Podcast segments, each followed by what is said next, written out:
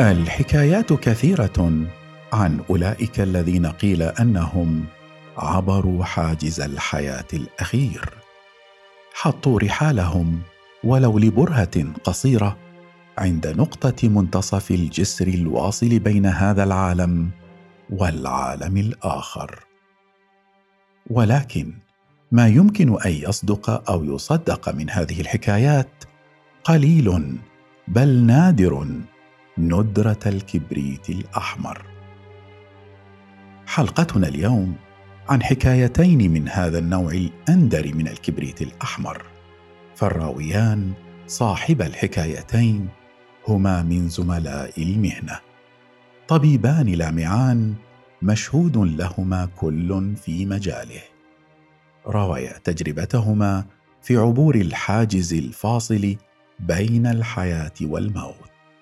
كشفا عن تجربة الخروج من الجسد والعودة إليه ووثق كل منهما تجربته في كتاب وفي محاضرات على الملأ وعلى رؤوس الأشهاد.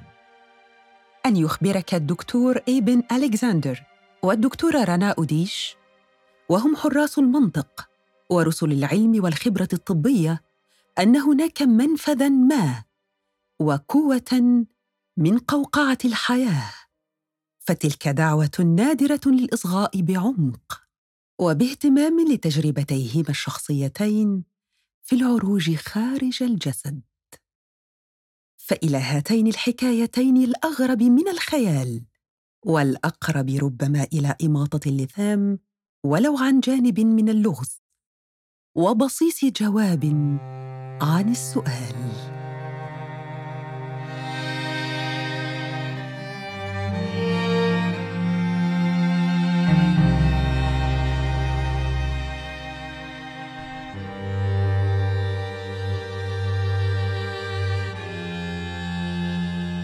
أهلا وسهلا بكل المتابعين. تحية لكم من القلب بدفء 37 درجة مئوية. مرحبا بكم جميعا إلى هذه الحلقة الجديدة. أنا دكتورة أميرة السنوسي. وأنا دكتور رياض سلمان. نسعد بأن نكون معكم فعلى بركة الله.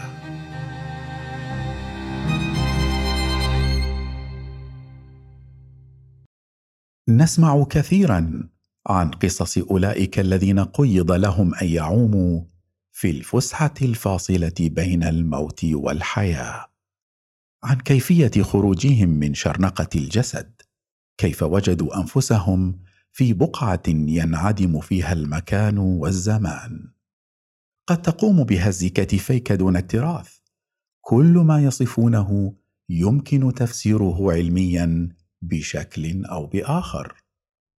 نعرف مثلا أن الهلوسة قد تكون بسبب ارتفاع في نسبة اليوريا أو اضطراب في حموضة أو قلوية الدم. لكن الأمر يختلف عندما تلتقي وجها لوجه بتجربة الدكتورة رانا أوديش. استشارية الأمراض التنفسية والعناية المركزة والأستاذة في كلية الطب بجامعة وين ستيت ومديرة مركز أبحاث وعيادة الضغط الرئوي بمستشفى هنري فورد والمسؤولة المباشرة عن التدريب العلمي لمئات الأطباء الجدد في هذا المستشفى العريق. وأن تستمع مباشرة إلى تجربتها بين سكرات الموت والحياة وتصغي لتفاصيلها المدعمة بالملاحظات السريرية المستقلة للأطباء المعالجين ولقراءات الأجهزة الطبية الدقيقة.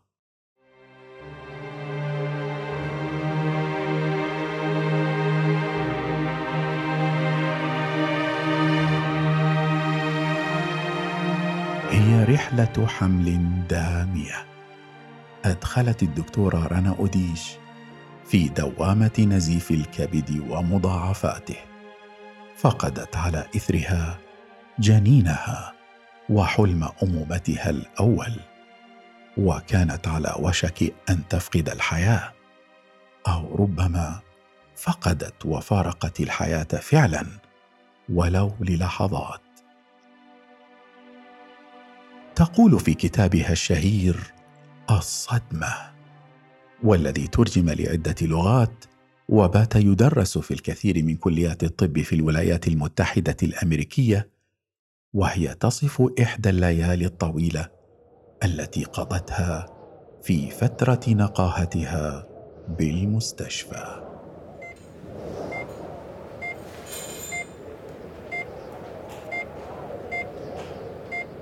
كنت أشعر بالبرد الشديد كلما تذكرت تلك الليلة وكنت أعرف أيضا أنه يجب علي تجاوز هذا البرد.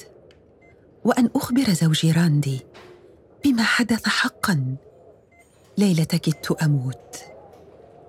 كنت أخشى أن يعتريني النسيان أو يباغتني الموت قبل أن أخبره هو على الأقل بما حدث. ترى هل أستطيع أن أشرح لراندي تفاصيل تلك اللحظة الغريبة؟ التي توقف فيها الألم الرهيب على طاولة العمليات وأدركت أنني فارقت الحياة. لم يكن الأمر سهلا. ابتلعت ريقي واستجمعت كل ما تبقى لي من قوة وأخبرته. لا أعرف كيف أصف تلك اللحظة الغريبة في تلك الليلة الغريبة. فجأة توقف الألم والعذاب. انتهى تماما. فجأة وجدت نفسي أنظر من مسافة إلى جسدي المسجى على طاولة العمليات. وجدت نفسي على مفترق طريق بين ردهتين. في يدي أن أمضي قدما إلى حيث ردهه لا ألم. ردهه السكينة السرمدية المطلقة. و وفي يدي أن أعود إلى حيث كنت. ما علي سوى أن أتخذ القرار؟ أذهب قدما أو أعود؟ كيف أشرح ذلك؟ هل تفهمني يا راندي؟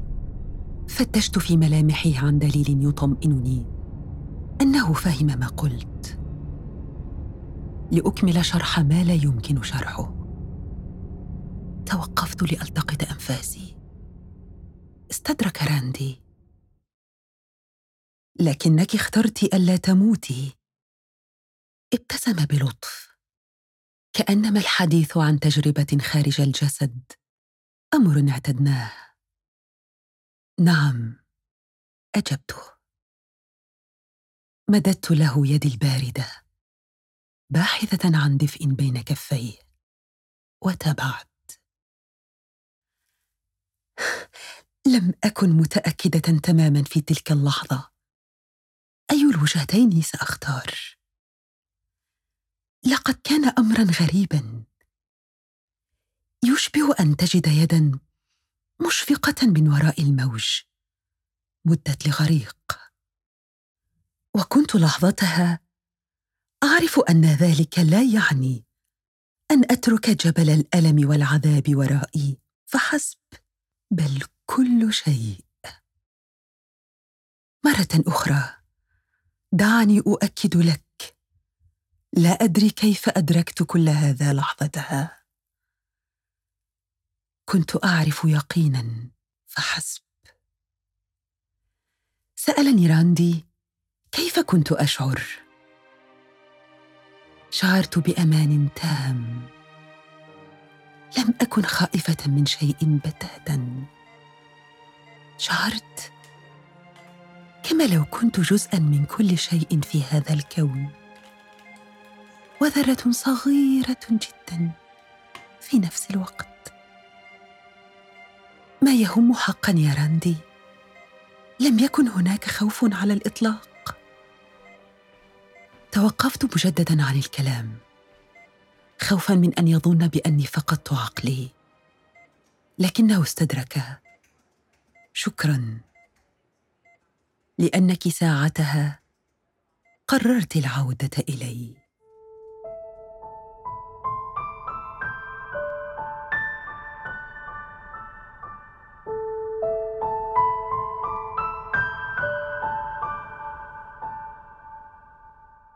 لم أتساءل يوما أين تحلق هذه الأرواح العالقة الهائمه لم يكن سؤالا ذا جدوى على اي حال. الإجابة كانت دائما واقعة بين مطرقة التشكيك وسندان التفسيرات العلمية المباشرة التي لا تقبل سوى الدليل الحسي المستند إلى التجربة والبرهان.